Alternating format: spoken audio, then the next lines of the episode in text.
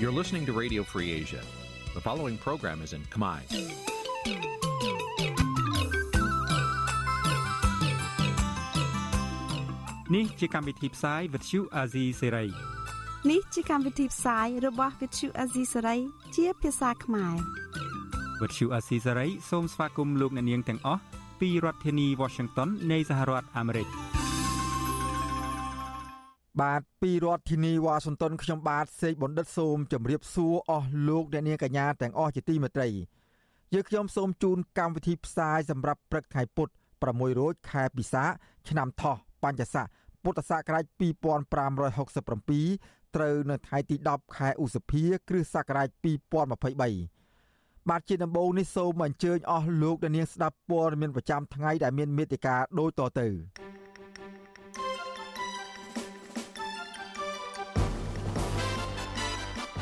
តុលាការក្រុងភ្នំពេញសាកសួរលោកថៃសិដ្ឋាជាលើកទី2លើបទចោទថ្មីក្នុងសំណុំរឿងញុះញង់នៅថ្ងៃនេះគោចបមិនឲ្យលោករងឈុនឈរឈ្មោះជាបេក្ខជនតំណាងរាស្ត្រនៅខេត្តកណ្ដាលលោកសំរងស៊ីស្នើឲ្យសហគមន៍អន្តរជាតិគុំទទួលស្គាល់លទ្ធផលបោះឆ្នោតនាពេលខាងមុខ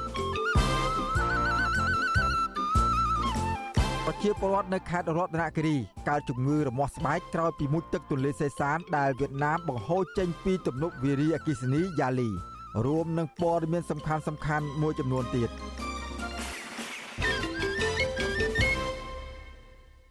ជាបន្តទៅទៀតនេះខ្ញុំបាទសេកបណ្ឌិតសូមជូនព័ត៌មានពិស្ដាបាទលោកអ្នកនាងកញ្ញាជាទីមេត្រី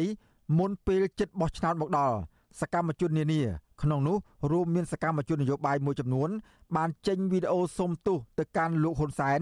ដើម្បីទទួលបានសេរីភាពឡើងវិញ ហើយពួកគេក៏ត្រូវបានតែងតាំងជាមន្ត្រីនៅក្នុងស្ថាប័នរដ្ឋផ្សេងផ្សេងទៀតផងទោះបែបនេះក្តី សកម្មជនមួយចំនួនទៀតបានអះអាងថាពួកគេមិនអាចបដូរដំកតិជាមួយនឹងសេរីភាពនោះបានទេ បាទពីរដ្ឋធានី Washington អ្នកស្រីម៉ៅសុធីនីរាយការណ៍អំពីរឿងនេះ សកម្មជននយោបាយដែលកំពុងជាប់ពន្ធនាគារមួយចំនួនអះអាងតាមភរិយារបស់ពួកគេថាពួកគេនឹងមិនសមទោសលោកហ៊ុនសែនដើម្បីបដូរយកសេរីភាពនោះឡើយហើយពួកគេនៅតែអះអាង ថាពួកគេមិនបានប្រព្រឹត្តខុសដោយអ្វីដែលតុលាការសម្រេចនោះដែរស្របពេលដែលការបោះឆ្នោតកាន់តែខិតចូលមកដល់សកម្មជននយោបាយមួយចំនួនបានចេញវីដេអូសំទោសលោកហ៊ុនសែនបន្តបន្ទាប់ជាក់ស្ដែងគឺលោកយឹមស៊ីណននិងលោកហ៊ុនកសលត្រូវបានចោទប្រកាន់ ពីបទប្រមាថប្រមាថក្សត្រនិងបទញុះញង់ក៏ប៉ុន្តែបែរជាត្រូវបានតែងតាំងជាអនុរដ្ឋលេខាធិការទៅវិញមន្ត្រីសិទ្ធិមនុស្សចាត់ទុកករណីទាំងអស់នេះថាការឃុំខ្លួនទៅលើមន្ត្រីបពប្រឆាំងកន្លងមកនោះគឺមិនមែនជាការអនុវត្តច្បាប់ដូចជាការអះអាងរបស់មន្ត្រីរដ្ឋាភិបាលនោះទេ គឺគ្រាន់តែជាការធ្វើទុកបុកម្នេញប៉ុណ្ណោះ ប្រពន្ធលោកសុនថនជាគ្រូបង្រៀននិងជាសមាជិកក្រុមប្រឹក្សាជាប់ឆ្នោតរបស់គណៈបក្សសង្គ្រោះជាតិនៅខេត្តកំពង់ធំលោកស្រីសេងចន្ទថនលើកឡើងថាសុខភាពប្តីជាធម្មតាទោះបីថាលក្ខខណ្ឌនៃការរស់នៅក្នុងពន្ធនាគារមិនល្អក៏ដោយអ្នកស្រីថាចំហរបស់ប្តីគឺមិនសមទោសទៅលោកហ៊ុនសែនដើម្បីរួចទោសនោះទេគឺប្តីអ្នកស្រីប្រកាន់ចំហអនុវត្តទោសរហូតដល់ថ្ងៃចេញពីពន្ធនាគារគឺនៅ9ខែខាងមុខទៀត មិនរំភើបហើយក៏មិនវាថាផ្ទៃខ្លាចឬក៏មានអារម្មណ៍ថាចង់ចង់ចូលទីដែរចង់ទៅដែរអីគឺអត់មានទេគឺស្ងប់ស្ងាត់ធម្មតាចាហើយមិនមានអារម្មណ៍ថាឃើញគេទៅឃើញគេបានដាក់បនស្វាយអបអសុបាយចង់ទៅថាអីគឺអត់ទេចា អ្នកស្រីបន្ថែមថាមូលហេតុដែលក្រុមកុសាអ្នកស្រីប្រកាន់ជំហរបែបនេះពីព្រោះកន្លងមកក្នុងនាមជាមន្ត្រីគណៈបកប្រឆាំងធ្លាប់រិះគន់ទៅលើគណៈបកកណ្ដាលអំណាចដែលមិនបម្រើប្រជារដ្ឋហើយអ្នកស្រីថាប៉ះសិនបើប្តីអ្នកស្រីឈប់ធ្វើជាអ្នកនយោបាយនោះគឺមិនទៅចោះចូលជាមួយគណៈបកកណ្ដាលអំណាចនោះទេហើយនឹងរស់នៅជាប្រជារដ្ឋធម្មតាគាត់មិនអាចទៅចូលមួយគេបានទេចាព្រោះគាត់តែងតែរិះគន់គេថាឲ្យគេសុទ្ធតែគេនឹង អ្នកបកកាន់អំណាចនឹងជាអ្នកបកដែលមិនចេះឈឺឆ្អាលរឿងជាពលរដ្ឋដែលមានទុកលំបាកជិះជាន់ធ្វើបាបគេអញ្ចឹងគាត់ថាឲ្យគេបេះនឹងហើយគាត់មិនអាចទៅចុះចុះគណៈកម្មគណៈកម្មអំណាចដើម្បីឲ្យគេបង្កប់ធ្វើបាបជាពលរដ្ឋបានទេព្រោះគាត់គាត់ឆ្លាញ់ជាពលរដ្ឋ ចំណែកអ្នកស្រីព្រំចន្ទថាលើកឡើងថាការពីថ្ងៃទី8ខែសុភាអ្នកស្រីបានទៅសួរសុខទុក្ខប្តីគឺលោកកកកុម្ភាអតីតសមាជិកក្រុមប្រឹក្សារាជធានីភ្នំពេញមកពីគណៈបក្សប្រជាជាតិឲ្យដឹងថាលោកកំពុងមានបញ្ហាសុខភាព ជាមួយនឹងការឡើងកម្ដៅហើយនឹងខ្វះទឹកនៅក្នុងពន្ធនាគារពេលនេះលោកកកកុម្ភាបានអនុវត្តទោសរយៈពេល3ឆ្នាំក្នុងចំណោមទោសសរុបចំនួន8ឆ្នាំ ទោះបីបែបនេះក្តីអ្នកស្រីព្រំចន្ទថាអាអាងថាចំហរបស់ប្តីក៏មិនសំទោសដើម្បីឲ្យបានត្រីភាពនោះឡើយព្រោះក្រុមគ្រួសារអ្នកស្រីយល់ថាលោកមិនបានប្រព្រឹត្តបទល្មើសតាមសេចក្តីសម្រេចរបស់តុលាការនោះឡើយគោលចំហបិទឈលលើកឲ្យហៅថាយុទ្ធធម៌ក្នុងសង្គមថ្ងៃវាយុទ្ធធម៌ហើយសម្រាប់ប្រទេសដ៏តូចមួយនេះសម្រាប់ក្រុមគ្រួសាររបស់បពប្រឆាំងដែលចាប់ដាក់ពន្ធនាគារកំហុសសោះចោលរំលឹកក្បត់សួរថាបើសិនជាគ្រួសារខ្ញុំបានក្បត់មែនលោកប្រធានសន្តិបានក្បត់មែនក៏វាអស់ចិត្តប៉ុន្តែអត់ក្បត់សោះ អត់មានលក់ដីលក់ភ្នំលក់កាត់ដីកាត់អីឲ្យបរទេសសោះអញ្ចឹងវាអត់មានអីត្រូវថាត្រូវងាករេហើយក៏មានអីត្រូវទៅសុំតោមានអីត្រូវសាទទៀតអ្នកនាំពាក្យសមាគមការពិសិដ្ឋនោះអាត់ហុកលោកសង្សានករណាលើកឡើងថាកន្លងមករដ្ឋាភិបាលតែងតែអះអាងថាការអនុវត្តទោសទៅលើសកម្មជននានាជាពិសេសគឺសកម្មជននយោបាយថាជាការអនុវត្តច្បាប់មិនមែនជារឿងនយោបាយនោះឡើយ ក៏ប៉ុន្តែថ្មីថ្មីនេះនៅពេលដែលមានសកម្មជនណាម្នាក់សុំទោសគណៈបកកណ្ដាលអំណាចបែរជារួចពីបទល្មើសនិងថែមទាំងទទួលបានទូនាទីក្នុងស្ថាប័នរដ្ឋផងដែរ។ចឹងវាជាការបញ្ជាក់ហើយថា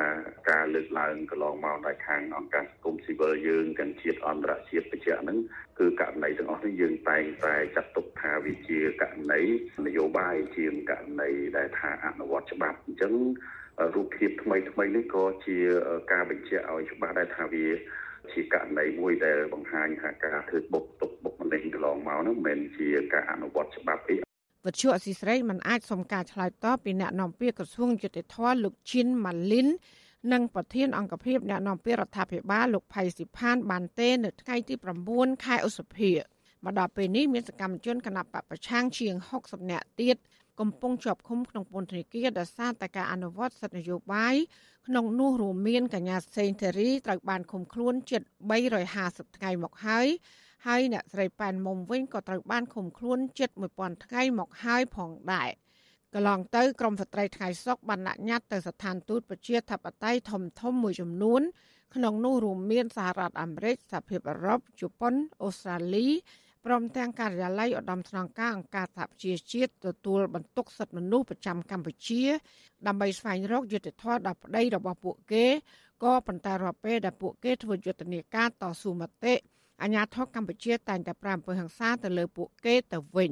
ចាននាងខ្ញុំម៉ៃសុធានីវិទ្យុអាស៊ីសេរីប្រធានាធិបតី Washington បាទលោកនាងកញ្ញាជាទីមេត្រីយើងមិនទាន់ទៅណាឆ្ងាយអំពីស្ថានភាពនយោបាយ ដែលកំពុងមានការចាប់អារម្មណ៍មុនការបោះឆ្នោតជាតិនឹងចូលមកដល់នៅខែកក្កដាខាងមុខនេះបាទមេដឹកនាំគណៈបកប្រឆាំងអំពាវនាវឲ្យសហគមន៍អន្តរជាតិគុំទទួលស្គាល់លទ្ធផលបោះឆ្នោតនៅខែកក្កដាខាងមុខនេះ។ព្រោះវាជាការបោះឆ្នោតក្លែងបន្លំដើម្បីរក្សាអំណាចផ្ដាច់ការឲ្យលោកហ៊ុនសែនបាទការអំពាវនាវនេះធ្វើឡើងស្របពេលដែលបណ្ដាប្រទេសប្រកាន់លទ្ធិប្រជាធិបតេយ្យធំធំបានប្រកាសចំហ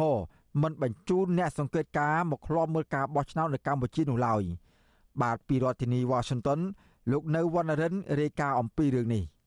លោកសំរងស៊ីប្រធានស្ដីទីគណៈបកសង្គ្រោះជាតិសរសេរបង្ហោះតាម Facebook នៅថ្ងៃទី9ឧសភាជំរុញឲ្យសហគមន៍អន្តរជាតិមិនត្រូវទទួលស្គាល់ការបោះឆ្នោតដ៏អាក្រក់បំផុតនៅកម្ពុជា នៅពេលខាងមុខនេះទេហើយក៏មិនត្រូវទទួលស្គាល់រដ្ឋាភិបាលថ្មី ដែលកើតចេញពីការបោះឆ្នោតคล้ายៗនោះដែរ លោកបញ្ជាក់ថាការបោះឆ្នោតជ្រើសតាំងតំណាងរាស្ត្រនាអាណត្តិទី7ក្នុងខែកក្កដាខាងមុខនេះនឹងមានការក្លែងបន្លំដូចរាល់ដងព្រោះគណៈកម្មាធិការជាតិរៀបចំការបោះឆ្នោតកោជបនៅតែស្ថិតក្រោមការគ្រប់គ្រងយ៉ាងតឹងរឹងពីខាងគណៈបកប្រជាជនកម្ពុជា ដើម្បីធានាពីជ័យជំនះគ្មានហានិភ័យសម្រាប់លោកហ៊ុនសែន។ លោកសំរងស៊ីក៏បានបង្ហោះអត្ថបទរបស់លោកដែលចុះផ្សាយនៅសារព័ត៌មានដ៏ល្បីរបស់ជប៉ុន គឺ Asian Nikkei ថាការបោះឆ្នោតនៅក្នុងខែកក្កដាខាងមុខនេះនឹងអាចធ្វើឲ្យបាត់បង់អំណាចផ្ដាច់ការរបស់លោកហ៊ុនសែនដែលបានគ្រប់គ្រងប្រទេសកម្ពុជាអស់រយៈពេល38ឆ្នាំមកនេះប្រសិនបើការបោះឆ្នោតនោះធ្វើឡើងដោយសេរីត្រឹមត្រូវនឹងយុត្តិធម៌និងតាមប្រជាធិបតេយ្យពិតប្រាកដបើគ្មានការក្លែងបន្លំជាប្រព័ន្ធ ដើម្បីលាក់បាំងឬបំភ្លៃឆន្ទៈសាធារណជននោះទេក៏ប៉ុន្តែលោកបន្តថាចាប់តាំងពីឆ្នាំ1975មក កម្ពុជាបានរៀបចំការបោះឆ្នោតពិតប្រាកដដោយសេរីនិងត្រឹមត្រូវតែម្ដងគត់គឺនៅក្នុងឆ្នាំ1993ដែលការនោះរៀបចំឡើងដោយអង្គការសហប្រជាជាតិនិងបានធ្វើឲ្យគណៈបកប្រជាជនកម្ពុជារបស់លោកហ៊ុនសែនចាញ់ការបោះឆ្នោតយ៉ាងអាម៉ាស់ លោកបន្ថែមថាលោកហ៊ុនសែនបានធ្វើរដ្ឋប្រហារបង្ហូរឈាមដណ្ដើមអំណាចនៅឆ្នាំ1997និងបានបង្កើតគោជបថ្មីនៅឆ្នាំ1998ក្នុងការរៀបចំបោះឆ្នោតបែបคล้ายៗជាបន្តបន្ទាប់ជូនឲ្យលោកហ៊ុនសែនបន្តកាន់អំណាចរហូតមកដល់សប្តាហ៍ថ្ងៃនេះ។ លោកសំរងស៊ីក៏បន្ថែមថាស្ថាប័នកោជបបានប្រើល្បិចជួយខ្លាញ់បន្លំបញ្ជីឈ្មោះបោះឆ្នោតដើម្បីដកហូតសិទ្ធិបោះឆ្នោតពីពលរដ្ឋដែលសង្ស័យថាមិនមែនជាអ្នកគ្រប់គ្រងគណៈបកប្រជាជនកម្ពុជា ហើយធ្វើជាឈ្មោះខ្មោចដើម្បីបោះឆ្នោតឲ្យគណៈបកប្រជាជនកម្ពុជា ជាក់ស្ដែងភាពមិនប្រក្រតីនេះត្រូវបានរកឃើញនៅក្នុងការបោះឆ្នោតនៅឆ្នាំ2013ដោយវិជាស្ថានជាតិប្រជាធិបតេយ្យ NDI អ្នកមានឈ្មោះបោះឆ្នោតពិតប្រាកដ11%ត្រូវបានដកចេញពីបញ្ជីបោះឆ្នោតដោយខុសច្បាប់ដែលលោកសំរងស៊ីអះអាងថាប្រសិនបើគ្មានការដកឈ្មោះអ្នកបោះឆ្នោតពិតប្រាកដនោះទេគណៈបកសង្គ្រោះជាតិនឹងទទួលជោគជ័យ មេដឹកនាំគណៈបកប្រឆាំងរូបនេះលើកឡើងផងដែរថាបន្ទាប់ពីគណៈបកសង្គ្រោះជាតិទទួលបានសម្លេងគាំទ្រ44%នៅក្នុងការបោះឆ្នោតឃុំសង្កាត់លោកហ៊ុនសែនបានឆ្លើយតបដោយការចាប់ខ្លួនលោកកឹមសុខានិងបញ្ជាឲ្យតុលាការរំលាយគណៈបកសង្គ្រោះជាតិនៅក្នុងឆ្នាំ2017ហើយរៀបចំបោះឆ្នោតប្រមូលយកអាសនៈទាំងអស់នៅក្នុងការបោះឆ្នោតជ្រើសតាំងតំណាងរាស្ត្រនៅក្នុងឆ្នាំ2018 ឆ្លើយតបនឹងបញ្ហានេះអ្នកនាំពាក្យគណៈកម្មាធិការជាតិរៀបចំការបោះឆ្នោតលោកហងពុធាចាត់ទុកការអំពាវនាវរបស់លោកសំរងស៊ីទៅកាន់សហគមន៍អន្តរជាតិជាចេតនាចង់បំពុលបរិយាកាសធ្វើឲ្យរាំងស្ទះដល់ដំណើរការបោះឆ្នោតលោកបន្តថាការបោះឆ្នោតត្រឹមត្រូវឬមិនត្រឹមត្រូវគឺអាស្រ័យទៅលើចំនួនពលរដ្ឋចេញទៅបោះឆ្នោតមិនមែនតតែមានអ្នកសង្កេតការអន្តរជាតិនោះទេ បងប្អូនប្រជាពលរដ្ឋខ្មែរនៅទីទាំងប្រទេសយ៉ាងហោចណាស់ក៏80%ជាងបានចេញទៅបោះឆ្នោតហើយបានប្រទេសជាច្រើនលើកលុបនោះគឺជាអ្វីដែលមតិអន្តរជាតិព្រមទាំងប្រជាពលរដ្ឋខ្មែរនិយាយតម្លៃថាភាសាដែលលោកសំរាស៊ីលើកឡើងគឺជាភាសាអត្តប្រយោជន៍និងអត្តបានការដែរ អ្នកនាំពាក្យរូបនេះបន្តថាគោជបបានដាក់សំណើទៅតាមស្ថានទូតនានាដើម្បីស្នើសុំបញ្ជូនអ្នកសង្កេតការមកឃ្លាំមើលការបោះឆ្នោតនៅកម្ពុជាក៏ប៉ុន្តែមកដល់ពេលនេះមិនទាន់មានការឆ្លើយតបពីប្រទេសណាមួយនៅឡើយទេទោះយ៉ាងណា ស្ថានទូតអូស្ត្រាលី និងរដ្ឋាភិបាលជប៉ុន បានបញ្ជាក់ចំហច្បាស់ថាមិនបញ្ជូនអ្នកសង្កេតការបោះឆ្នោតនៅខែកក្កដាខាងមុខនេះឡើយ។ វិទ្យុអាស៊ីសេរីមិនអាចសុំការឆ្លើយតបពីអ្នកនាំពាក្យគណៈបកប្រជាជនកម្ពុជា លោកសុកអេសានបាននៅឡើយនោះទេចំណែកអ្នកនាំពាក្យគណៈបកភ្លើងទៀនលោកកឹមសួភិរិទ្ធលើកឡើងថាការថ្លែងរបស់លោកសំរងស៊ីគឺជាយោបល់ផ្ទាល់ខ្លួនរបស់លោកនិងមិនពាក់ព័ន្ធនឹងគណៈបកភ្លើងទៀននោះឡើយលោកបន្តថាគណៈបកភ្លើងទៀនមិនទាន់សម្រេចចិត្តទាំងស្រុងក្នុងការចូលរួមបោះឆ្នោតខាងមុខដោយសារត្រូវរងចាំមើលស្ថានភាពនយោបាយបន្តទៀតសិន។ គណៈបកប្រជាជនគឺយើង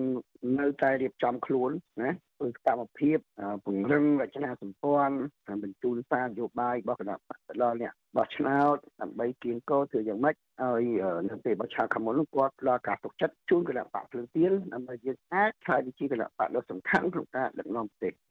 ពាក់ព័ន្ធនឹងបញ្ហានេះអ្នកសម្របសម្រួលផ្នែកអង្គការរបស់អង្គការឃ្លាំមើលការបោះឆ្នោតហៅកាត់ថា Confrel លោកកនសវាង លើកឡើងថាគ្មាននរណាម្នាក់អាចបង្ខំសហគមន៍អន្តរជាតិកុំឲ្យបញ្ជូនអ្នកសង្កេតការបោះឆ្នោតមកកម្ពុជា ក្រៅពីស្ថានទូតនៃបណ្ដាប្រទេសទាំងនោះទេ ណាព្រោះនៅក្នុងដំណើរការនៃការចូលរួមគឺមិនមែនចិត្តបញ្ជូនអ្នកសង្កេតការរបស់គេមកទេគឺមានកិច្ចការងារទូតគេនៅក្នុងប្រទេសដែរគេនឹងធ្វើកិច្ចការងារហ្នឹងថាតើគេគួរតែបញ្ជូនឬមិនបញ្ជូនអញ្ចឹងវាជារឿងការសម្រេចរបស់សម័យស្ថាប័ននៃសហគមន៍អន្តរជាតិទាំងទេ ទោះជាយ៉ាងណាក៏ដោយលោកសំរងស៊ីថ្លែងថាការបោះឆ្នោតនៅថ្ងៃទី23ខែកក្កដាខាងមុខនេះនឹងធ្វើឡើងតាមបន្ទាត់ដដែលព្រោះគណៈបកភ្លើងទៀនដែលទទួលបានសម្លេងឆ្នោត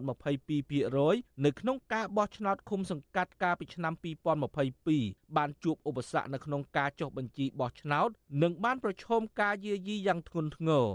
លោកបញ្ជាក់ថាអ្នកសង្កេតការអន្តរជាតិដែលមានបំណងចង់តាមដានការបោះឆ្នោតនាពេលខាងមុខ នឹងមិនអាចជួយអ្វីបាននោះទេ ក្រៅពីការផ្ដល់ភាពស្របច្បាប់ទៅដល់ការបោះឆ្នោតដែលបំភ្លៃឆន្ទៈដ៏ពេញនិយមបំផុត និងអាក្រក់បំផុតរបស់លោកហ៊ុនសែនខ្ញុំបាទនៅវណ្ណរិន With Chu Azizi Saray ពីរដ្ឋធានី Washington បាទលោកអ្នកនាងកញ្ញាជាទីមេត្រីឥឡូវនេះយើងក៏លេចមកមើលសំណុំរឿងរបស់មេដឹកនាំគណៈបកភ្លើងទៀនវិញម្ដងសាលាដំបងរាជធានីភ្នំពេញ និងសាកសួរអនុប្រធានគណៈបកភ្លើងទៀនលោកថៃសេដ្ឋាជាលើកទី2នៅព្រឹកថ្ងៃទី10ខែឧសភានេះពាក់ព័ន្ធនឹងបទចោទថ្មីលើសំណុំរឿងញុះញង់មន្ត្រីសង្គមស៊ីវិលថាតុលាការបន្តចោទប្រកាន់លោកថៃសិដ្ឋាពីមួយករណីទៅមួយករណីយ៉ាងដូចនេះគឺធ្វើឲ្យមានការរិះគន់ថាការចោទប្រកាន់នេះមានចរិតនយោបាយច្រើនជាងការអនុវត្តច្បាប់ បាទពីរដ្ឋធានី Washington លោកយ៉ងច័ន្ទរារាយការណ៍អំពីរឿងនេះ សាលាដំបងរាជធានីភ្នំពេញគ្រងសាកសួរអនុប្រធានគណៈបកភ្លើងទៀនលោកថាច់សេដ្ឋាតាក់ទងទៅនឹងបទចោទថ្មី គឺសំណុំរឿងញុះញង់ដែលតុលាការចោទថាលោកបានប្រព្រឹត្តនៅប្រទេសជប៉ុន កាលពីចុងឆ្នាំ2022មេធាវីការពារក្តីឲ្យលោកថាច់សេដ្ឋាម្នាក់គឺលោកសំសុគង្គឲ្យវិទ្យុអាស៊ីសេរីដឹង នៅថ្ងៃទី9ខែឧសភាថាតុលាការនឹងសាកសួរលោកថាច់សេដ្ឋាតាក់ទងទៅនឹងអង្គហេតុនៅក្រៅប្រទេស លោកថាក្រមមេធាវីបានត្រៀមឯកសារនិងភ័ស្តុតាងដើម្បីជួយដោះបន្ទុកលោកថាច់សេដ្ឋាលោកឲ្យដឹងទៀតថាក្រមមេធាវីក៏នឹងទៅអមលោកថៃសេដ្ឋានៅក្នុងពេលតុលាការសាកសួរនោះដែរដើម្បីឲ្យលោកថៃសេដ្ឋាអាចប្រើប្រាស់សិទ្ធិរបស់ខ្លួនបានពេញលេញ។ គឺយើងអមគាត់ដើម្បីកុំឲ្យមានការសួរសំណួរណាដែលវាដាក់ទុកខ្លួនឯងណាហើយនឹងប្រើប្រាស់សិទ្ធិដែលក្នុងនាមជាជន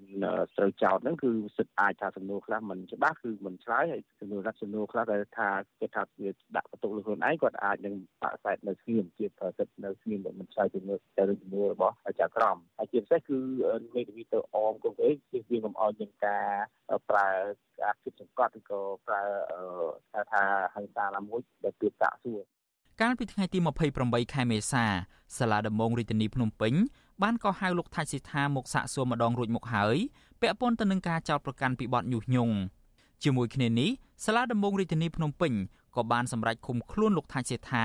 បន្ថែមពីលើបទចោទចាស់គឺសំណុំរឿងមិនបំពេញកាតព្វកិច្ចចំពោះឧបករណ៍អាចជួញដូរបាន ឬចេញសាច់អត់លុយចំនួន5សន្លឹកសំណុំរឿងចាស់នេះ កំពុងស្ថិតនៅក្នុងដំណាក់កាលស៊ើបអង្កេតហើយតុលាការគ្រប់ជាន់ថ្នាក់មិនអនុញ្ញាតឲ្យលោកថាច់សេដ្ឋាបាននៅក្រៅឃុំបណ្ដោះអាសន្ននោះទេបើទោះបីជាលោកមានលក្ខខណ្ឌគ្រប់គ្រាន់អាចនៅក្រៅឃុំនិងដាក់ប្រាក់ដំកល់ជាង30000ដុល្លារក្តីជុំវិញការចោទប្រកាន់បទល្មើសថ្មីមួយទៀតទៅលើលោកថាច់សេដ្ឋាពេលនេះវិទ្យុអាស៊ីសេរីមិនអាចសុំការបកស្រាយបន្ថែមពីអ្នកនាំពាក្យអัยការអមសាលាដំបងរាជធានីភ្នំពេញលោកប្លង់សុផលបានទេ នៅថ្ងៃទី9ខែឧសភាទោះ ជាយ៉ាងណាមន្ត្រីសិទ្ធិមនុស្សដែលតាមដានករណីលោកថៃសេដ្ឋារិះគន់ការចោទប្រកាន់នេះថាជាការធ្វើទុកបុកម្នេញផ្នែកនយោបាយច្រើនជាងការអនុវត្តច្បាប់មន្ត្រីជាន់ខ្ពស់នៃសមាគមការពារសិទ្ធិមនុស្សអាត6លោកយីសុកសាន សង្កេតឃើញថាចាប់តាំងពីឆ្នាំ2019មកដល់ពេលនេះតុលាការតែងតែយកករណីនានា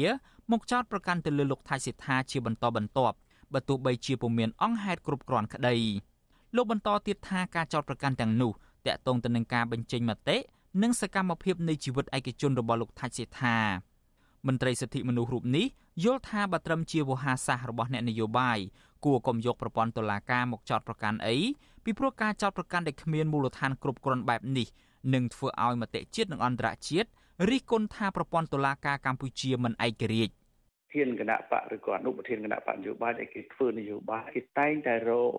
កំហុសចំណុចអវិជ្ជមាននៃគ្នារវាងទៅមកទៅមកដើម្បីគេកែលម្អគ្នាប៉ុន្តែនៅពេលស្រុកយើងដូចជារឿងវោហារស័ព្ទរបស់អ្នកនយោបាយហ្នឹងហើយសូម្បីតែអ្នកនយោបាយមានអភ័យឯកសិទ្ធិក៏ក៏ចាត់វិធានការដែរតកតងទៅនឹងការចោទប្រកាន់ទៅលើលោកថាច់សេដ្ឋានេះដែរកាលពីចុងឆ្នាំ2020តុលាការក្រុងភ្នំពេញក៏ធ្លាប់ចោទប្រកាន់លោក និងសកម្មជនគណៈបកសង្គ្រោះជាតិជាង120នាក់ទៀតពីបទរួមគំនិតក្បត់និងបទញុះញង់ឲ្យមានភាពវឹកវរធ្ងន់ធ្ងរដល់សន្តិសុខសង្គមតាក់ទងទៅនឹងផែនការវិលចូលស្រុករបស់លោកសំរងស៊ីកាលពីឆ្នាំ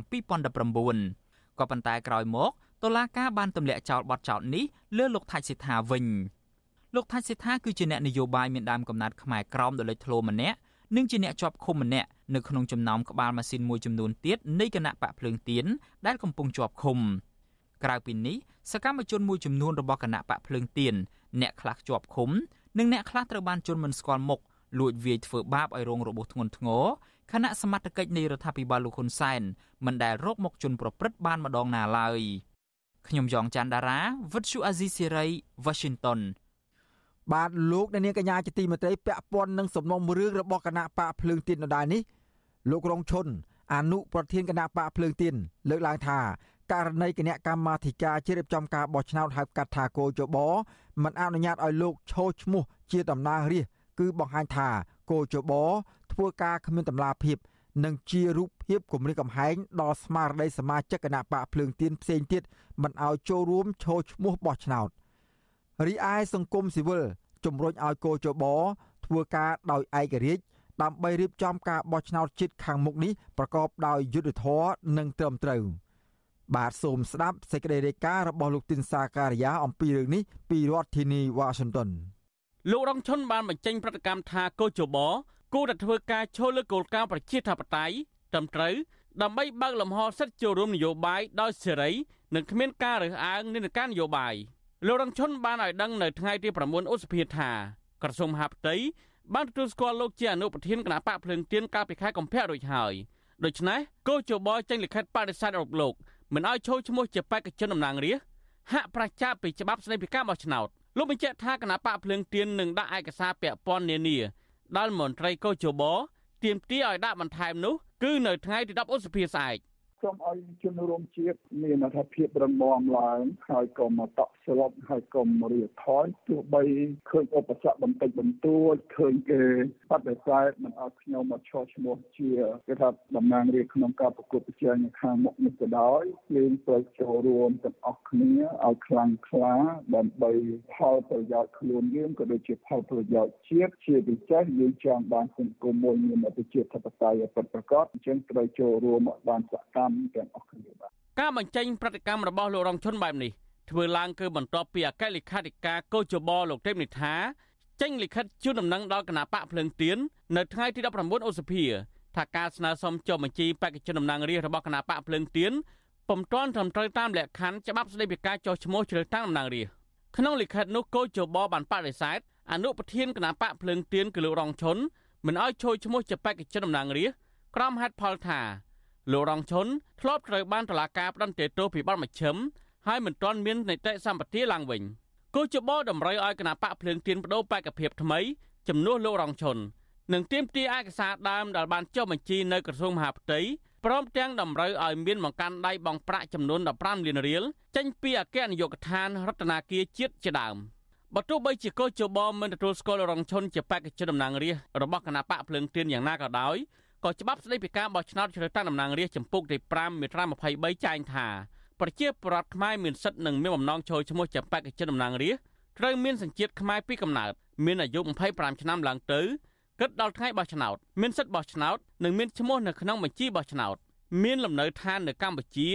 និងមានការតែងតាំងពីគណៈបញ្ញោបាយដែលបានចុះបញ្ជីចូលឈ្មោះបោះឆ្នោតបន្ថែមពីនេះលោករងឈុនបានលើកពីហេតុផលចំនួន2ទៀតដែលថាលោកមានសិទ្ធិចូលឈ្មោះ ជាបេក្ខជនតំណាងរាស្ត្រត្រឹមត្រូវតាមច្បាប់ ទី1ក្រសួងមហាផ្ទៃបានទទួលស្គាល់រូបលោក ជាអនុប្រធានគណៈបកភ្លើងទៀន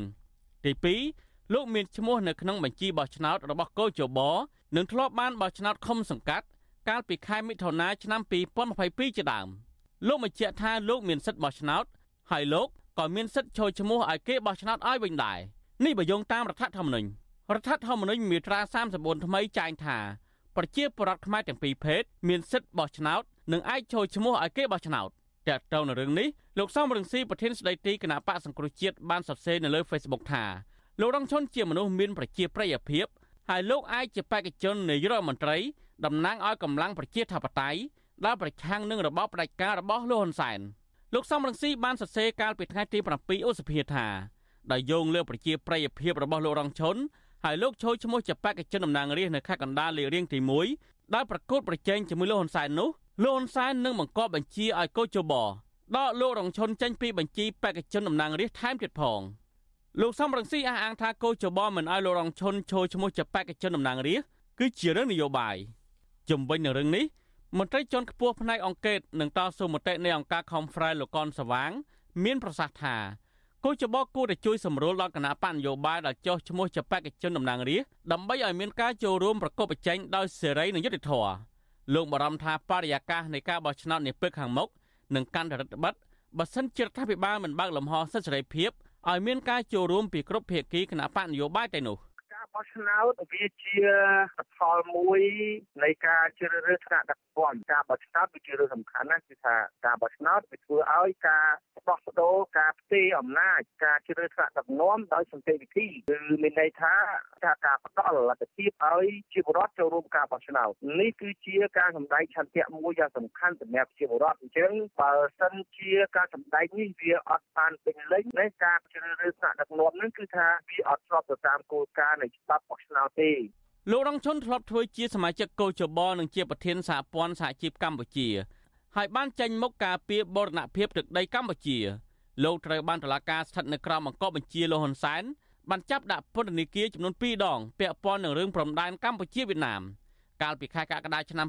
2020តុលាការបានផ្តន្ទាទោសលោករងឈុនរយៈពេល2ឆ្នាំក៏ប៉ុន្តែលោកបានជាប់ពន្ធនាគារចំនួន15ខែ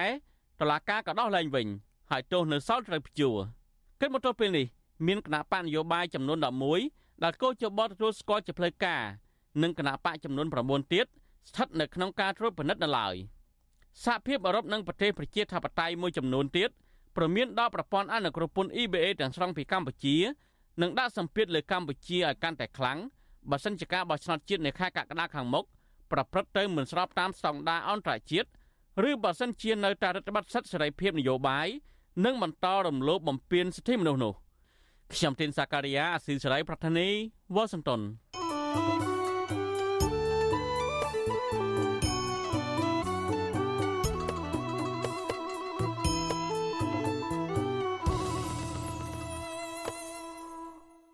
បាទលោកអ្នកនាងកញ្ញាជាទីមេត្រី ឥឡូវនេះយើងក៏រលេចទៅមើលការរៀបចំការប្រកួតកីឡា SEA Games ឆ្នាំ2023ដែលកម្ពុជាធ្វើជាម្ចាស់ផ្ទះវិញម្ដង បាទមន្ត្រីគណៈបកប្រឆាំងនិងអ្នកវិភាគចាត់ទុកការអន្តរាគមរបស់លោកហ៊ុនសែនទៅលើការលាលែងរបស់លោកសៅសុខាពីតំណែងប្រធានសហព័ន្ធកីឡាបាល់ទាត់កម្ពុជា ថាជាការសាងគំរូអាក្រក់ដែលធ្វើឲ្យមន្ត្រីរដ្ឋាភិបាលគ្មានការទទួលខុសត្រូវដោយលោកហ៊ុនសែនដែរ ពួកគាត់ចាត់ទុកថាការមិនគោរពតាមការសន្យាបែបនេះនឹងប៉ះពាល់ដល់ស្មារតីប្រជាពលរដ្ឋនិងមន្ត្រីរាជការដែលធ្វើឲ្យពន្លកគំនិតនៃការទទួលខុសត្រូវកាន់តែរីករាលទៅរីករាលទៅ បាទសូមស្ដាប់សេចក្តីរាយការណ៍អំពីរឿងនេះរបស់អ្នកស្រីសូជីវីពីរដ្ឋធានី Washington មន្ត្រីគណៈបកប្រឆាំងសង្កេតឃើញថាមន្ត្រីរដ្ឋាភិបាលមួយចំនួនក្រោមការគ្រប់គ្រងរបស់លោកហ៊ុនសែនរួមទាំងលោកហ៊ុនសែនខ្លួនឯងផ្ទាល់ សុទ្ធតែមានទម្លាប់កិច្ចវេះពីការទទួលខុសត្រូវក្នុងទួលនីតិហើយពេលខ្លះថែមទាំងការពៀជនខលខូចទាំងនោះទៀតផងប្រធានប្រតិបត្តិគណៈបកសង្គ្រោះជាតិប្រចាំរាជធានីភ្នំពេញដែលកំពុងភៀសខ្លួននៅក្រៅប្រទេសលោកមនផល្លាឲ្យដឹងថាអន្តរាគមរបស់លោកហ៊ុនសែនលើករណីលាលែងតំណែងរបស់លោកសៅសុខាគឺជាការក្តិចត្រួយពន្លកនៃវប្បធម៌ទទួលខុសត្រូវលើវិស័យកីឡាបាល់ទាត់គណៈពលរដ្ឋភៀកច្រើនគោរពតាមការសម្រេចចិត្តរបស់លោកសៅសុខា របបលោកហ៊ុនសែនមន្ត្រីដែលខុសឆ្គងយ៉ាងណាក៏ដោយឲ្យតែមន្ត្រីនោះចេះបំរើគណៈបព្វជិជនចេះរកផលប្រយោជន៍ឲ្យលោកហ៊ុនសែនចេះការពីអំណាចតំណែងឲ្យត្រកូលលោកហ៊ុនសែនគឺថាមន្ត្រីនោះរួចផុតពីទោសទណ្ឌទាំងអស់អញ្ចឹងហើយវប្បធម៌ទណ្ឌភាពបែបនេះគឺបន្តពីចំនួនមួយទៅចំនួនមួយដែលជាគំរូអាក្រក់ដែលលោកហ៊ុនសែនបានសាបព្រោះនៅក្នុងសង្គមកម្ពុជាយើងបច្ចុប្បន្ននេះបាទ កាលពីយប់ថ្ងៃទី7ខែឧសភាប្រធានសហព័ន្ធកីឡាបាល់ទាត់កម្ពុជាលោកសៅសុខាបានប្រកាសលាលែងតំណែងភ្លាមភ្លាមបន្ទាប់ពីក្រុមជម្រើសជាតិបាល់ទាត់កម្ពុជាផ្នែកបរោះអាយុក្រោម22ឆ្នាំប្រកួតចាញ់ក្រុមមីយ៉ាន់ម៉ាដោយលទ្ធផល2-0នាយប់ជម្រុះក្នុងពូល A ក្នុងព្រឹត្តិការណ៍ SEA Games លើកទី32ដែលកម្ពុជាធ្វើជាម្ចាស់ផ្ទះការសុំលាលែងរបស់លោកសៅសុខាគឺជាការគោរពតាមការសន្យារបស់លោក កាលពីថ្ងៃទី2ខែឧសភាដែលលោកថាប្រសិនបើក្រុមកីឡាបាល់ទាត់ជម្រើសជាតិកម្ពុជាមិនអាចឆ្លងផុតឈានទៅបន្តប្រកួតវគ្គពាក់កណ្ដាលផ្ដាច់ព្រាត់បានក្នុងព្រឹត្តិការណ៍ SEA Games លើកទី32នេះទេលោកនឹងលាលែងពីតំណែងប្រធានសហព័ន្ធទោះជាយ៉ាងណាប្រជាពលរដ្ឋអ្នកគាំទ្រវិស័យកីឡាបាល់ទាត់មួយចំនួនគ្រប់តាមការសម្រេចចិត្តរបស់លោកសៅសុខាព្រោះរយៈពេល10ឆ្នាំនេះវិស័យកីឡាបាល់ទាត់នៅកម្ពុជា នៅមិនទាន់មានសមត្ថភាពគ្រប់គ្រាន់ ទៅប្រកួតប្រជែងជាមួយនឹងបណ្ដាប្រទេសនៅក្នុងតំបន់បាននៅឡើយទោះជាបែបនេះក្តីបន្ទាប់ពីលោកសៅសុខាបានបង្ហោះសារលាលែងពីតំណែងនៅលើបណ្ដាញសង្គមបានមួយថ្ងៃលោកហ៊ុនសែនបានបង្ហោះសារសម្លេងដែលមានរយៈពេលជាង6នាទីរៀបរាប់ថាបរាជ័យរបស់កីឡាបាល់ទាត់កម្ពុជាមិនមែនជាកំហុសរបស់លោកសៅសុខាឡើយនិងស្នើឲ្យលោកវិលមកកាន់តំណែងជាប្រធានសហព័ន្ធឡើងវិញឆ្លើយតបនឹងរឿងនេះ លោកសៅសុខាបានអះអាងនៅក្នុងលិខិតកាលពីថ្ងៃទី8ខែឧសភាថាលោកទទួលយកការអំពាវនាវនេះដើម្បីបន្តដឹកនាំសហព័ន្ធកីឡាបាល់ទាត់កម្ពុជា ទៅតាមអាណត្តិនៃការបោះឆ្នោតរបស់ខ្លួនជុំវិញរឿងនេះប្រធានអង្គភិបអ្នកណែនាំពាក្យរដ្ឋាភិបាលលោកផៃស៊ីផានលើកឡើងថាការស្នើសុំរបស់លោកហ៊ុនសែនឲ្យលោកសៅសុខាបន្តដឹកនាំកីឡាបាល់ទាត់កម្ពុជា គឺជារឿងផ្ទៃក្នុងរដ្ឋាភិបាលខ្ញុំយាមដែលសម្ដេចលោកពុកចិត្ត ចំពោះអាយដាមសៅសុខាអានឹងមិនមែនការសម្ដេចទេមានអ្នកដែលជួយជុំជ្រែងក៏ក៏ធ្វើញត្តិទៅអាយដាមសៅសុខាសូមឲ្យលោកនៅបន្តការដឹកនាំទៅមុខទៀតក្រៅពីតំណែងជាប្រធានសហព័ន្ធបាល់ទាត់លោកសៅសុខាមានតួនាទីជាមេបញ្ជាការកងរាជអាវុធហត្ថលើផ្ទៃប្រទេសជាអគ្គមេបញ្ជាការរងនៃកងយុទ្ធពលខេមរៈភូមិន្ទនិងជាសមាជិកអចិន្ត្រៃយ៍នៃគណៈកម្មាធិការកណ្ដាលនៃគណៈបកប្រជាជនកម្ពុជា បើទោះបីជាលោកសៅសុខាលាលែងពីតំណែងជាប្រធានសហព័ន្ធបាល់ទាត់ក្តីក៏នឹងមិនប៉ះពាល់សិទ្ធិអំណាចឬឥទ្ធិពលរបស់លោកនៅក្នុងជួររដ្ឋាភិបាលនោះឡើយតែកទៅនឹងរឿងនេះអ្នកវិភាគនយោបាយលោកកឹមសុខយល់ថាការដែលលោកហ៊ុនសែនតាមអង្វរលោកសៅសុខាឲ្យបន្តដឹកនាំកីឡាបាល់ទាត់កម្ពុជាដោយសារលោកហ៊ុនសែនខ្លាចប៉ះពាល់ទឹកចិត្តរបស់លោកសៅសុខាដែលជាមនុស្សស្មោះស្ម័គ្រនឹងលោកជាង40ឆ្នាំកន្លងមក លោកកឹមសុខបន្តថាលោកហ៊ុនសែនត្រូវការលោកសៅសុខាដើម្បីការពារអំណាចឲ្យកូនប្រុសរបស់លោកហ៊ុនសែនដែលរងចាំស្នងតំណែងនាយករដ្ឋមន្ត្រីតពីឪពុកគឺលោកហ៊ុនម៉ាណែត។ ចាត់ទុកថាលោកសៅសុខាចេះទទួលខុសត្រូវគួសមដែរហើយក៏ប៉ុន្តែគួរឲ្យអស់សំណើចបែរជាលោកហ៊ុនសែនចេញអង្វរជាសាធារណៈសូមឲ្យលោកសៅសុខាបន្តតំណែងទៅវិញអស់សំណើចនៅត្រង់ថាការងារបច្ចេកទេសបែបនេះគេត្រូវផ្គូផ្គងពីដំបូងច្បាស់លាស់ណាស់អ្នកគ្មានសមត្ថភាពចេញអ្នកមានសមត្ថភាពចូលគ្មានត្រូវការឲ្យនាយករដ្ឋមន្ត្រីតាមអង្វរបុគ្គលណាឡើយការទទួលខុសត្រូវ ក្នុងការដឹកនាំរបស់មន្ត្រីរដ្ឋាភិបាលចាប់តាំងពីថ្នាក់ក្រោមរហូតដល់ថ្នាក់ដឹកនាំកម្ពុជានៅមានកម្រិតទាបនៅឡើយជាក់ស្ដែងក្នុងហេតុការណ៍រត់ជន់គ្នានៅលើស្ពានកោះពេជ្រកាលពីឆ្នាំ2010ដែលបណ្ដាលឲ្យមនុស្សជាង300នាក់បានស្លាប់និងរបួសជាង500នាក់ករណីឆេះអាគារ Casino Grand Diamond នៅទីក្រុងប៉ោយប៉ែតកាលពីឆ្នាំ2022បណ្ដាលឲ្យមនុស្ស28នាក់ស្លាប់ករណីបាក់ស្រុតអាគារនៅខេត្តព្រះសីហនុនិងខេត្តកែប និងករណីលិចទូកចម្លងជាច្រើនករណីដែលធ្វើឲ្យសិស្សជាច្រើនអ្នកបានស្លាប់មិនមានមន្ត្រីរដ្ឋាភិបាលណាម្នាក់ចេញមុខទទួលខុសត្រូវឬលាលែងពីតួនាទីនោះទេកាលពីឆ្នាំ2022លោកហ៊ុនសែនធ្លាប់សន្យាកាត់កបើបរាជ័យរឿងទប់ស្កាត់ការបំផ្លាញព្រៃឈើលុះក្រោយមកមានបទល្មើសព្រៃឈើជាច្រើនករណីបន្តកើតឡើងប៉ុន្តែលោកហ៊ុនសែនមិនដែលបានគោរពតាមការសន្យានោះទេ អ្នកវិភាគនិងមន្ត្រីបកប្រឆាំងលើកឡើងថាប្រទេសមួយដែលមានមេដឹកនាំគ្មានការទទួលខុសត្រូវនិងមិនចេះទទួលស្គាល់នៅទង្វើដែលខ្លួនបានធ្វើដូចជាមេដឹកនាំនៅប្រទេសកម្ពុជាបែបនេះគឺជាទុកព្រួយរបស់ប្រជាពលរដ្ឋនិងជាមហន្តរាយសម្រាប់ប្រទេសជាតិនៅថ្ងៃខាងមុខនាងខ្ញុំសុជីវីវិទ្យុអាស៊ីសេរីពីរដ្ឋធានី Washington បាទលោកនាងកញ្ញាជាទីមេត្រីលោកនាងកំពុងតាមដានស្ដាប់ការផ្សាយរបស់វិទ្យុអាស៊ីសេរីពីរដ្ឋធានីវ៉ាស៊ីនតោនសហរដ្ឋអាមេរិកឥឡូវនេះយើងក៏លេចទៅមើលបញ្ហាបរិស្ថាន ផលប៉ះពាល់នៃការប្រើប្រាស់ទឹកទន្លេសេសាននៅវិញបាទកុមារនិងប្រជាពលរដ្ឋមួយចំនួនរស់នៅតាមដងទន្លេសេសាន នៅក្នុងខេត្តរតនគិរីកើតមានជំងឺរមាស់ស្បែកបន្ទាប់ពីមុជទឹកទន្លេសេសាន ដែលភៀកគីវៀតណាមទើបតែបង្ហូរទឹកចេញពីផ្ទៃអាងនៃទំនប់វារីអគ្គិសនីយ៉ាលីករណីនេះធ្វើឲ្យពលរដ្ឋខ្លះខ្លាចរអាក្នុងការប្រើប្រាស់ទឹកទន្លេហើយពលរដ្ឋខ្លះទៀតបង្ខំចិត្តប្រើប្រាស់ទឹកនោះដដែលដោយសារតែគ្មានជំរឿសនិងគ្មានប្រភពទឹកផ្សេងទៀតមកប្រើប្រាស់បាទពីរដ្ឋធានី Washington លោកជាតិចំណាន មានសេចក្តីរាយការណ៍អំពីរឿងនេះក្រោយពីភាគីវៀតណាមបានបង្ហូរទឹកចេញពីអាងនៃទំនប់វារីអគ្គិសនីយ៉ាលី រយៈពេល5ថ្ងៃកន្លងមកនេះមបណ្ដាលឲ្យទឹកនៅតាមដងទន្លេសេសានកើនឡើងយ៉ាងឆាប់រហ័សពលរដ្ឋរស់នៅតំបន់នោះត្អូញត្អែពីការប្រែប្រួលគុណភាពទឹកខុសប្រក្រតីដែលល្អក់និងមានសារធាតុពុលពិបាកប្រើប្រាស់ពលរដ្ឋព្រួយបារម្ភពីផលប៉ះពាល់សុខុមាលភាពរបស់កុមារនិងពលរដ្ឋដែលចុះទៅមុជទឹកទន្លេនេះដែលកំពុងកើតជំងឺរមាស់ស្បែកតាមដងខ្លួនជនជាតិដើមភាគតិចចរាយដែលរស់នៅឃុំសេសានលោកសៀវលៀតប្រាប់វិសុអេស៊ីសរ៉ៃនៅថ្ងៃទី9ខែឧសភាថា កូនស្រីរបស់លោកអាយុ8ឆ្នាំបានកើតជំងឺរមាស់ស្បែកនៅពេលដែលទៅមុជទឹកទន្លេសេសានដែលវៀតណាមទើបតែបង្ហូរចេញពីទំនប់វារីអគ្គិសនីរីឯកុមារនៅក្នុងភូមិជាច្រើនអ្នកទៀតក៏កើតជំងឺដូចនេះដែរនិងកំពុងសម្រាកព្យាបាលនៅផ្ទះមកពីមួយទឹកអីទៅគាត់ថារមាស់ហ្មងតែពីយើងសួរនាំគាត់ណាគាត់ក្មេងៗគាត់នាំគ្នាទៅលេងទៅលេងទឹកនឹងឲ្យមានការប្រុងប្រយ័ត្នណាបើយើងឃើញស្ថិរភាពអញ្ចឹងវាដូចស្រួលពលរដ្ឋម្នាក់ទៀតដែលរស់នៅក្នុងស្រុកអូយ៉ាដាវលោកកាលៀនលវែងប្រាប់វិសុអស៊ីសេរីថា បើទោះបីជាទឹកទន្លេមានសារធាតុពុលនិងបណ្ដាលឲ្យកើតជំងឺរមាស់ស្បែកក្តីក៏ពលរដ្ឋខ្លះនៅតែបង្ខំចិត្តប្រើប្រាស់ទឹកនោះដដែលដោយសារតែពួកគាត់ក្រីក្រគ្មានលទ្ធភាពទិញទឹកស្អាតម្យ៉ាងអាកាសធាតុឡើងកម្ដៅធ្វើឲ្យមានតម្រូវការទឹកប្រើប្រាស់កើនឡើងទ្វេដងលោកថាស្ទើរជារៀងរាល់ថ្ងៃទឹកទន្លេសេសានឡើងចុះខុសប្រក្រតីទាំងរដូវប្រាំងនិងរដូវវស្សាដែលធ្វើឲ្យពលរដ្ឋពិបាកវេទនាក្នុងការប្រើប្រាស់ទឹកនិងការថយចុះនៃទិន្នផលត្រីជាដើម។ អញ្ញាធរអត់មានហាមឃាត់ទេប៉ុន្តែលមនៅតែលមប្រជាពលរដ្ឋនៅតែទៅប្រើប្រាស់អត់មានទឹកអណ្ដូងមានអីហ្នឹងគាត់នៅតែងត់ទឹកបាទក្តៅផងវាអកផងលមផងទឹកទន្លេសេសាន បានរីងខារយៈពេល10ថ្ងៃចាប់ពីចុងខែមេសារហូតដល់ដើមខែឧសភាកន្លងមកនេះដោយសារតែការប្រែប្រួលអាកាសធាតុនិងការបិទទ្វារទំនប់វារីអគ្គិសនីយ៉ាលីនៅប្រទេសវៀតណាម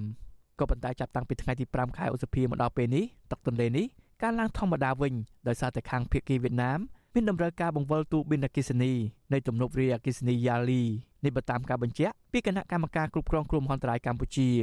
វិសុអសីសេរីមិនអាចតាក់ទងសុំការបំភ្លឺរឿងនេះពីប្រធានមន្ត្រីសុខាភិបាលខេត្តរតនគិរីលោកអង្គរតនានិងអ្នកនាំពាក្យស្លាកដំបងខេត្តនេះលោកនាងសម្បត្តិបាននៅឡើយទេ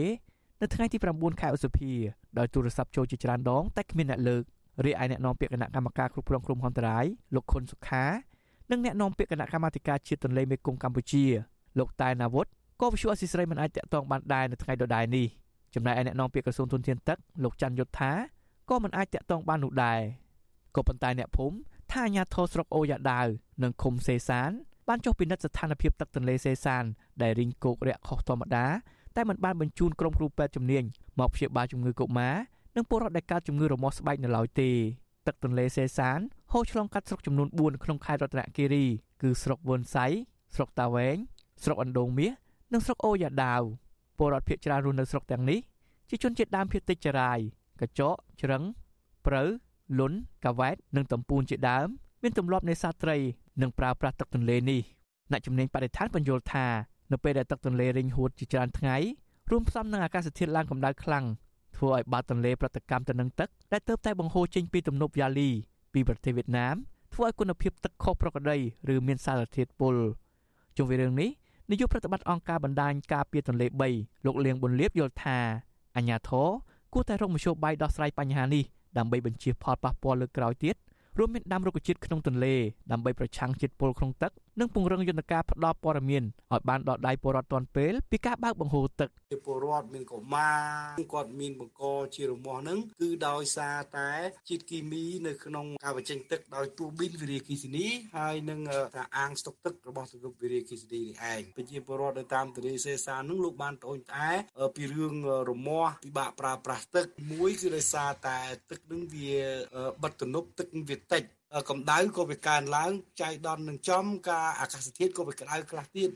ប្រទេសវៀតណាមបានសាងសង់ទំនប់វារីអគ្គិសនីយ៉ាលីតាំងពីឆ្នាំ1993និងបញ្ឈប់ការសាងសង់នៅឆ្នាំ1999ទំនប់វារីអគ្គិសនីនេះមានកម្លាំង720មេហ្គាវ៉ាត់ដែលស្ថិតនៅក្នុងទន្លេសេសានភាគីខាងលើនៃប្រទេសកម្ពុជាដែលមានចម្ងាយ80គីឡូម៉ែត្រពីព្រំដែនកម្ពុជាក្នុងខេត្តរតនគិរី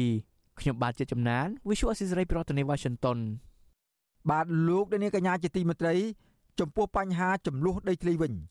តំណាងពលរដ្ឋមានវិវាទដីធ្លីនៅស្រុកកោះក្រឡខេត្តបាត់ដំបងជាង50នាក់តវ៉ានៅខាងមុខសាលាខេត្តបាត់ដំបងដើម្បីសុំកិច្ចអន្តរាគមន៍ពីអភិបាលខេត្តឲ្យផ្ដល់បានកម្មសិទ្ធិដីធ្លីដែលពួកគាត់អាស្រ័យផលជាង10ឆ្នាំមកហើយមន្ត្រីអង្គការសង្គមស៊ីវិលថារដ្ឋបាលខេត្តបាត់ដំបងគួរតែបង្កើតក្រុមការងារជំនាញដើម្បីផ្ដល់បានកម្មសិទ្ធិដីធ្លីជូនពួកគាត់ ដើម្បីមានលទ្ធភាពប្រកបរបរចិញ្ចឹមជីវិតលើផ្ទៃដីកសិកម្មទាំងនោះ បាទលោកសនចាន់រដ្ឋាមានសេចក្តីរាយការណ៍អំពីរឿងនេះពីរដ្ឋធានីវ៉ាស៊ីនតោនដំណាងពលរដ្ឋមានទំនាស់ដីធ្លី69គ្រួសារនៅភូមិសំរោងឃុំស្នៃមន់ស្រុកកោះកឡខេត្តបាត់ដំបងប្រមាណ50នាក់នៅថ្ងៃទី9ខែសភានាំគ្នាឡើងទៅតវ៉ានៅមុខសាលាខេត្តបាត់ដំបងដើម្បីស្នើសុំអភិបាលខេត្តបាត់ដំបងផ្ដល់បានកម្មសិទ្ធិដីធ្លីជូនដល់ពួកគាត់ដំណាងពលរដ្ឋមានទំនាស់ដីធ្លីគឺលោកស្វាយសុភាព បានប្រាវិជអស៊ីសេរីថាពួកគាត់បានអាស្រ័យផលលើផ្ទៃដីដោយគ្មានបានកម្មសិទ្ធិជាង10ឆ្នាំទៅហើយលោកបន្តថាគាត់ធ្លាប់បានដាក់លិខិតស្នើសុំការកាត់ដីធ្លីនេះតាំងពីភូមិឃុំស្រុករហូតដល់ក្រសួងដែនដីក៏ប៉ុន្តែមិនទទួលបានបានកម្មសិទ្ធិនៅឡើយទេលុះដល់ថ្ងៃទី28ខែមេសាឆ្នាំ2023តំណាងពលរដ្ឋ69គ្រួសារនេះបានជួបជាមួយអភិបាលរងស្រុកកោះកឡលោកឌីពៅនៅការិយាល័យតែពេលនោះលោកបដិសេធវវៃនៃធ្លីជូនដល់ពលរដ្ឋទាំង69គ្រួសារ ក្រុមហេតុផលថាដីនេះជាកម្មសិទ្ធិរបស់រដ្ឋប្រជាប្រដ្ឋរំនេះបញ្ជាក់ថាអភិបាលរងស្រុករំនេះថែមទាំងព្រមានថាប្រសិនបើប្រជាពលរដ្ឋនៅតែទន្ទ្រានលើដីនេះបន្តទៀតលោកនៅដាក់ពាក្យប្តឹងទៅតុលាការលោកស្វាយសុភាពបញ្ជាក់ថាដីនៅជិតជិតនេះក្រៅពីប្រជាពលរដ្ឋ69គ្រួសារនេះគឺមានដីរបស់ពលរដ្ឋប្រមាណ280គ្រួសារផ្សេងទៀត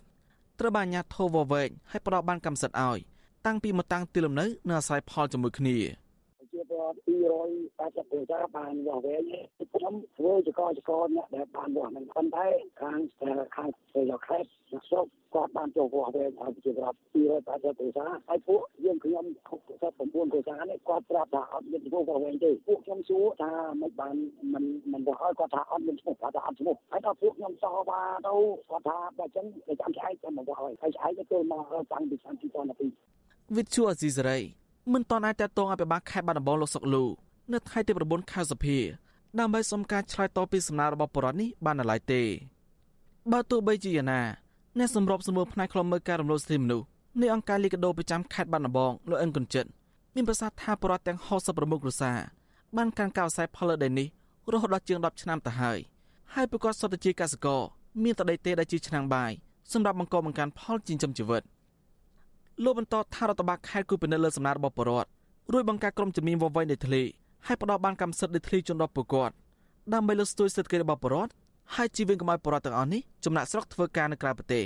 ក្នុងនាមអាជ្ញាធរខេត្តគាត់ឥឡូវពួកគាត់មកតវ៉ានៅសាលាខេត្តហើយគួរតែបង្កើតក្រុមការងារចំណុះមួយដែលមានខាងរដ្ឋបាលព្រៃឈើ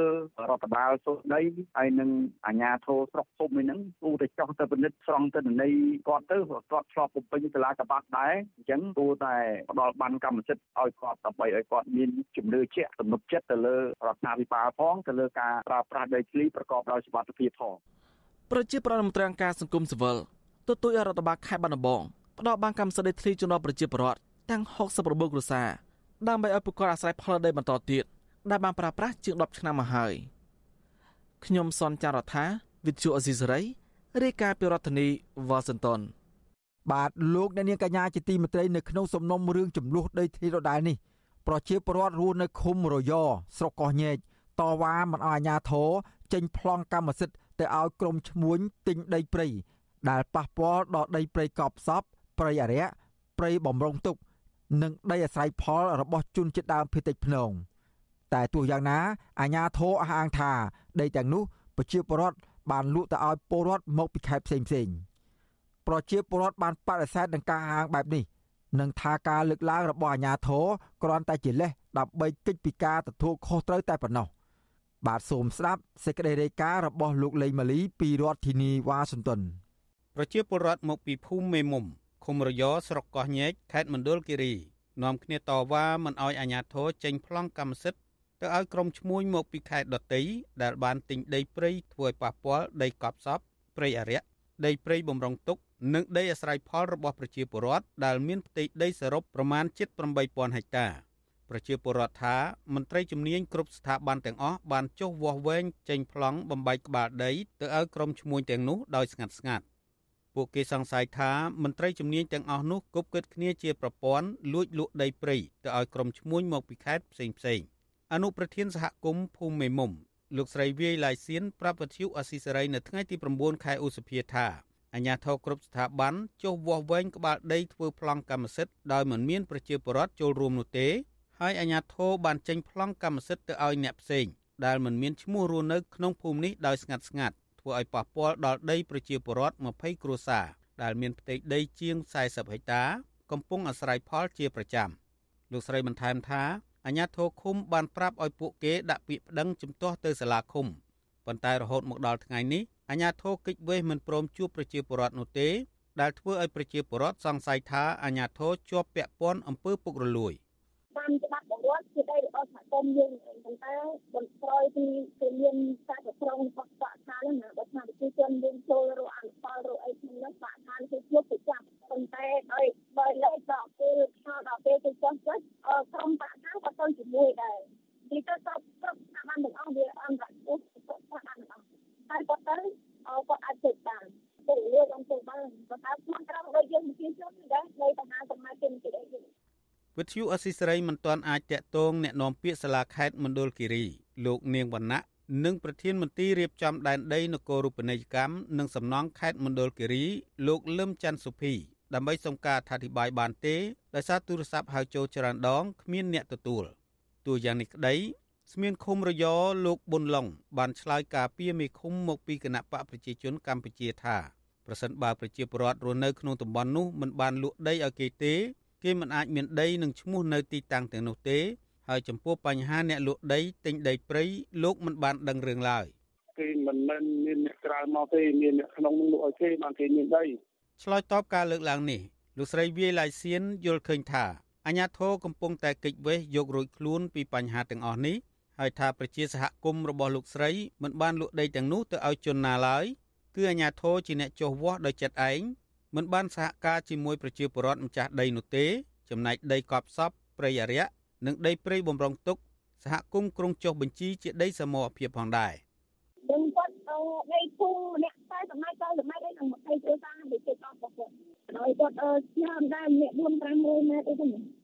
ប៉ុន្តែជាច្រើនគាត់អត់បានលក់ទេពាក់ព័ន្ធនឹងបញ្ហានេះមន្ត្រីសម្របសម្រួលសមាគមអាត6ប្រចាំខេត្តមណ្ឌលគិរីលោកប៊ីវ៉ានីយល់ឃើញថា អាញាធរមូលដ្ឋានមិនបានយកចិត្តទុកដាក់បម្រើផលប្រយោជន៍ពលរដ្ឋនោះទេព្រោះអាញាធរនៅតំបន់នោះមិនបានចេញប្លង់កម្មសិទ្ធិជូនប្រជាពលរដ្ឋកាន់កាប់ដីជាក់ស្ដែងបែរជាអាញាធរចេញប្លង់កម្មសិទ្ធិទៅឲ្យអ្នកផ្សេងក្រៅពីម្ចាស់ដីទៅវិញលោកបន្ថែមថាអ្នកដែលបង្កឲ្យមានទំនាស់ដីធ្លីនេះគឺកើតចេញពីអាញាធរមូលដ្ឋាននេះហើយព្រោះអាញាធរភូមិឃុំបានចុះហត្ថលេខាទិញលក់ដីដោយមិនបានប្រាប់ភាគីម្ចាស់ដីត្រង់ចំណុចនេះធ្វើឲ្យប្រជាពលរដ្ឋ លែងមានទំនុកចិត្តទៅលើអាជ្ញាធរនៅតំបន់នោះមិនគួរយកទូនាទីនឹងមុខមាត់ដែលបានដោយដោយការផ្ដល់អំណាចពីប្រជាពលរដ្ឋទៅធ្វើបាបប្រជាពលរដ្ឋខ្លួនឯងនោះទេករណី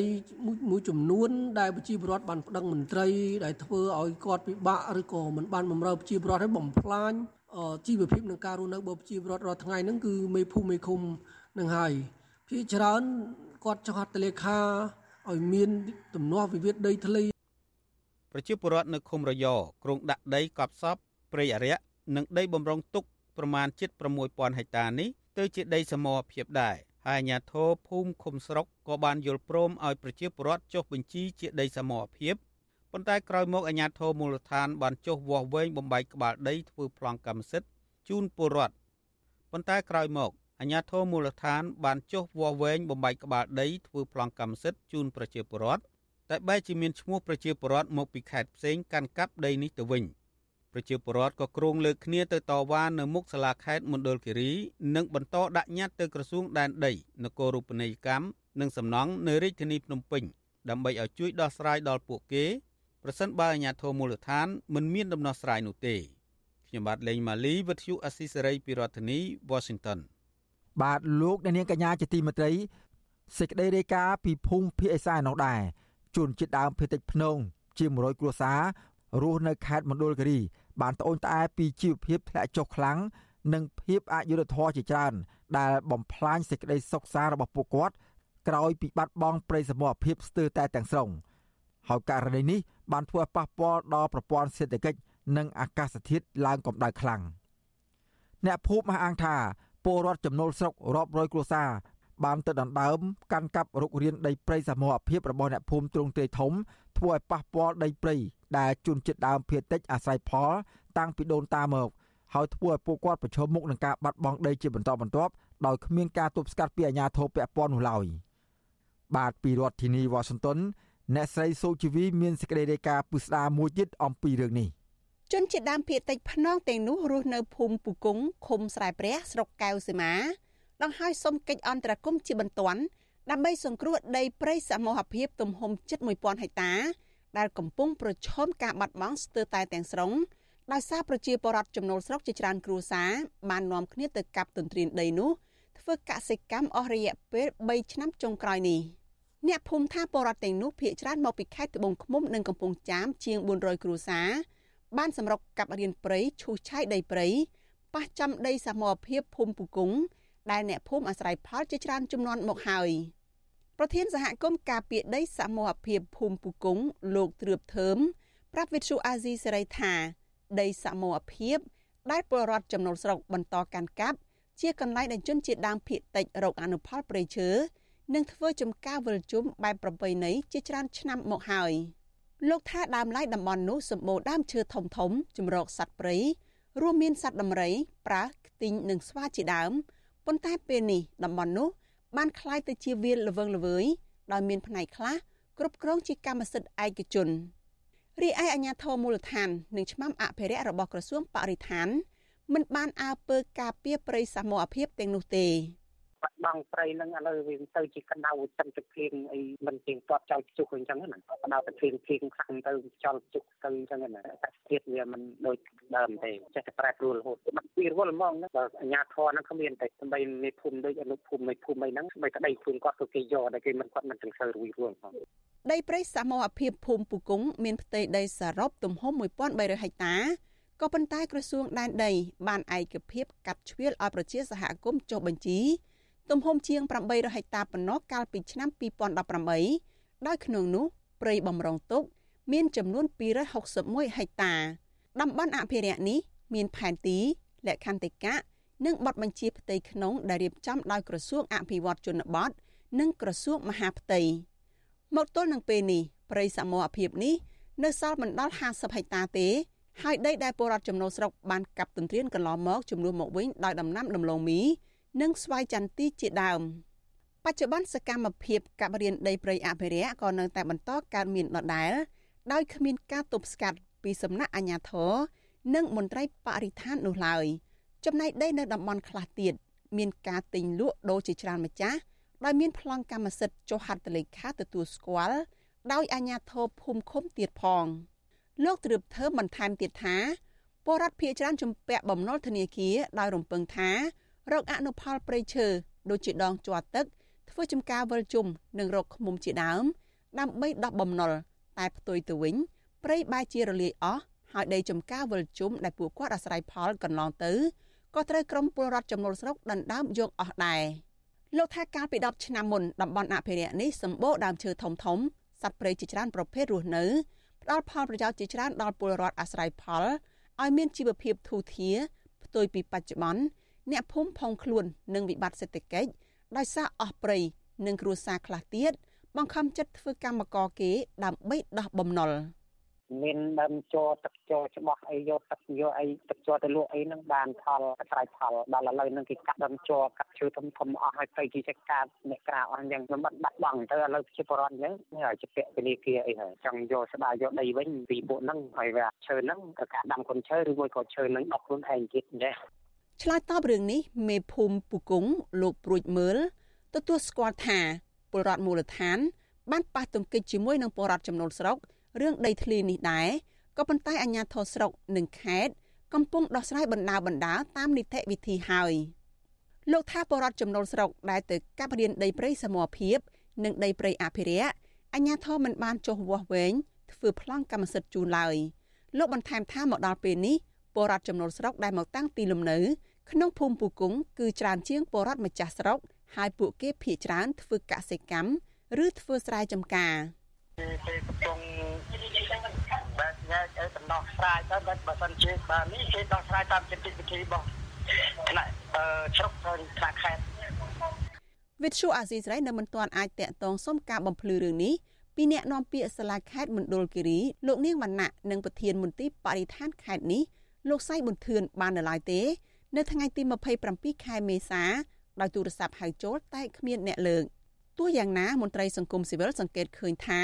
អភិបាលខេត្តមណ្ឌលគិរីលោកថងសាវុនមិនយកចិត្តទុកដាក់គោរពបទបញ្ជារបស់លោកយមត្រីហ៊ុនសែនក្នុងការអនុវត្តវិធានការរក្សាការពារបណ្ដោះអាសន្នដើម្បីការពារព្រៃអភិរក្សសមរភាពសហគមន៍ស្របទៅតាមអនុក្រឹត្យលេខ83នោះទេអនុក្រឹត្យលេខ83របស់លោកហ៊ុនសែនបានបញ្ជាឲ្យអាជ្ញាធរសម័យខេត្តទាំងអស់ ត្រូវរក្សាសវត្ថិភាពដីសមរភាពសហគមន៍ដែលជនជាតិដើមភាគតិចបានដាក់ពាក្យស្នើសុំនីតិបុគ្គលទៅក្រសួងមហាផ្ទៃរួចរាល់តាក់ទងនឹងបញ្ហានេះអ្នកសម្របសម្រួលលេខាធិការដ្ឋានសម្ព័ន្ធជនជាតិដើមភាគតិចកម្ពុជាលោកយុនឡូរ៉ង់សង្កេតឃើញថាពេលនេះមានបញ្ហាគ្រប់ទីកន្លែងទាំងអស់ព្រោះវិធានការរក្សាការពារបណ្ដោះអាសន្នអនុលោមតាមអនុក្រឹត្យលេខ83គឺគ្មានប្រសិទ្ធភាពឡើយដោយសារគ្មានការផ្សព្វផ្សាយ និងគ្មានអ្នកទទួលខុសត្រូវអនុវត្តវិធានការនេះលោកថាអាញាធរមិនត្រឹមតែមិនចូលរួមអនុវត្តបទបញ្ជារបស់រដ្ឋាភិបាលទេ តែផ្ទុយទៅវិញថែមទាំងហ៊ានចេញប្លង់កម្មសិទ្ធិដើម្បីទិញលក់ដីសមរភាពមិនប្រក្រតីទៀតផង ប៉ុន្តែវាអត់មានការជំរុញណាមួយជាក់លាក់ឲ្យមានប្រសិទ្ធភាពទេកន្លងមកនេះដែលជាបញ្ហាដែលនាំឲ្យមាននៅតែមានការទន្ទ្រានដីនឹងកើតឡើងមិនត្រឹមតែប៉ុណ្្នឹងទេមានការទទួលស្គាល់ការបញ្ជាក់ទៅលើអ្នកដែលទន្ទ្រាននឹងទៀតអញ្ចឹងវាមានករណីនឹងឡើងបើទោះជាសហគមន៍ដែលបានបានសមូហភាពឲ្យក៏ដោយជុំវិញរឿងនេះមន្ត្រីសម្របសម្រួលសមាគមអាត6នៅក្នុងខេត្តមណ្ឌលគិរីលោកប៊ីវ៉ានីដែលបានចុះអង្កេតរឿងនេះបារម្ភថា ជីវភាពរបស់ជនជាតិដើមភាគតិចជាង100គ្រួសារនៅតំបន់នោះធ្លាក់ចុះខ្លាំងដោយសារតែអស់ព្រៃអាស្រ័យផល ហើយដីចំការវិលជុំដែលពួកគាត់មានទម្លាប់ដាំដុះតាមប្រពៃណីក៏បាត់បង់អស់ដែរលោកស្នើឲ្យអាជ្ញាធរស៊ើបអង្កេតនិងចាត់វិធានការជាក់លាក់លើជនល្មើសរួមទាំងអាជ្ញាធរពាក់ព័ន្ធដែលខុបខិតរំលោភយកដីសមរភាពខុសច្បាប់ ប៉ះពាល់ដល់សហគមន៍វិញទីមួយវារំលោភទៅលើសិទ្ធិជនជាតិដើមភាគតិចរំលោភទៅលើរបៀបនៃការរស់នៅតាមបែបប្រពៃណីរបស់ជនជាតិដើមភាគតិចរបស់គាត់ដែលគាត់ខំប្រឹងស្នើសុំចុះបញ្ជីសមូហភាពហ្នឹងគឺគាត់ចង់ប្រើប្រាស់ដីសមូហភាពជនជាតិដើមភាគតិចហ្នឹងឲ្យតាមបែបប្រពៃណីការរស់នៅរបស់ពួកគាត់ហ្នឹងហើយហើយកាលណាក៏ទៅកាប់ទន្ទ្រានរបស់ពួកគាត់អញ្ចឹងនិយាយរួមទៅពួកហ្នឹងមិនមែនធំតែកាប់ចូលដីនេះណាចូលដីសហគមន៍ណាដីតំបន់អភិរក្សដែនអភិរក្សក៏វាកាប់ចូលដែរហើយមន្ត្រីបរិស្ថានការចល័យសហការនៅនឹងឲ្យគេកាប់បានហ្នឹង របាយការណ៍របស់សម្ព័ន្ធជនជាតិដើមភាគតិចបង្ហាញថាមកដល់ពេលនេះសហគមន៍ជនជាតិដើមភាគតិចមានជាង90%នៅក្នុងចំណោមសហគមន៍ជាង150កន្លែងស្ថិតនៅក្នុងខេត្តមណ្ឌលគិរី កំពង់ស្ពឺ បាត់ដំបង ស្ទឹងត្រែង ក្រចេះរតនគិរី និងខេត្តកំពង់ធំជាដើម កំពុងជួបបញ្ហាប្រឈមច្រើនដោយសារអាជ្ញាធរខេត្តនីមួយៗមិនអនុវត្តវិធានការរក្សាការពារបណ្ដោះអាសន្ន ស្របតាមអនុក្រឹត្យលេខ83ឲ្យមានប្រសិទ្ធភាពជាច្រើនឆ្នាំមកហើយប្រការនេះជាឧបសគ្គរាំងខ្ទប់ដល់ដំណើរការស្នើសុំចុះបញ្ជីដីសមូហភាពដែលពុំអាចទទួលបានជោគជ័យឡើយហើយជនជាតិដើមភាគតិចនៅតំបន់ខ្លះងាយនឹងកើតមានចំនួនរ៉ាំរ៉ៃរហូតធ្វើពួកគាត់បែកបាក់ផ្ទៃក្នុង បាក់ទឹកចិត្តជាប់បណ្ដឹងទៅតុលាការដោយសារតែចេញមុខតវ៉ាទាមទារដីសមូហភាពជាមួយនឹងបុគ្គលមានលុយមានអំណាច។ មន្ត្រីអង្គការសង្គមស៊ីវិលវាយតម្លៃថាបទបញ្ជារបស់លោកហ៊ុនសែនសាបដោយទឹកទន្លេគ្មានអធិបុលជាវិជ្ជមានការពារសវត្ថិភាពដីធ្លីជូនប្រជាសហគមន៍ឲ្យមានប្រសិទ្ធភាពយូរអង្វែងនោះឡើយធ្វើឲ្យប្រៃអភិរក្សស្ទើរគ្រប់តំបន់ហិនហោចអស់នាងខ្ញុំសុជីវី Vithu Azizi Saray ពីរដ្ឋធានី Washington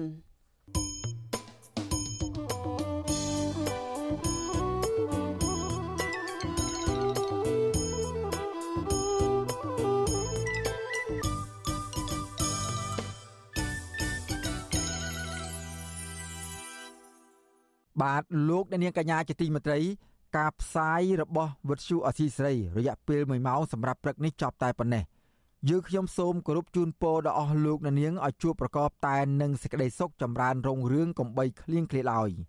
ខ្ញុំបាទសេកបណ្ឌិតព្រមទាំងក្រុមការងារទាំងអស់របស់វិទ្យុអសីស្រី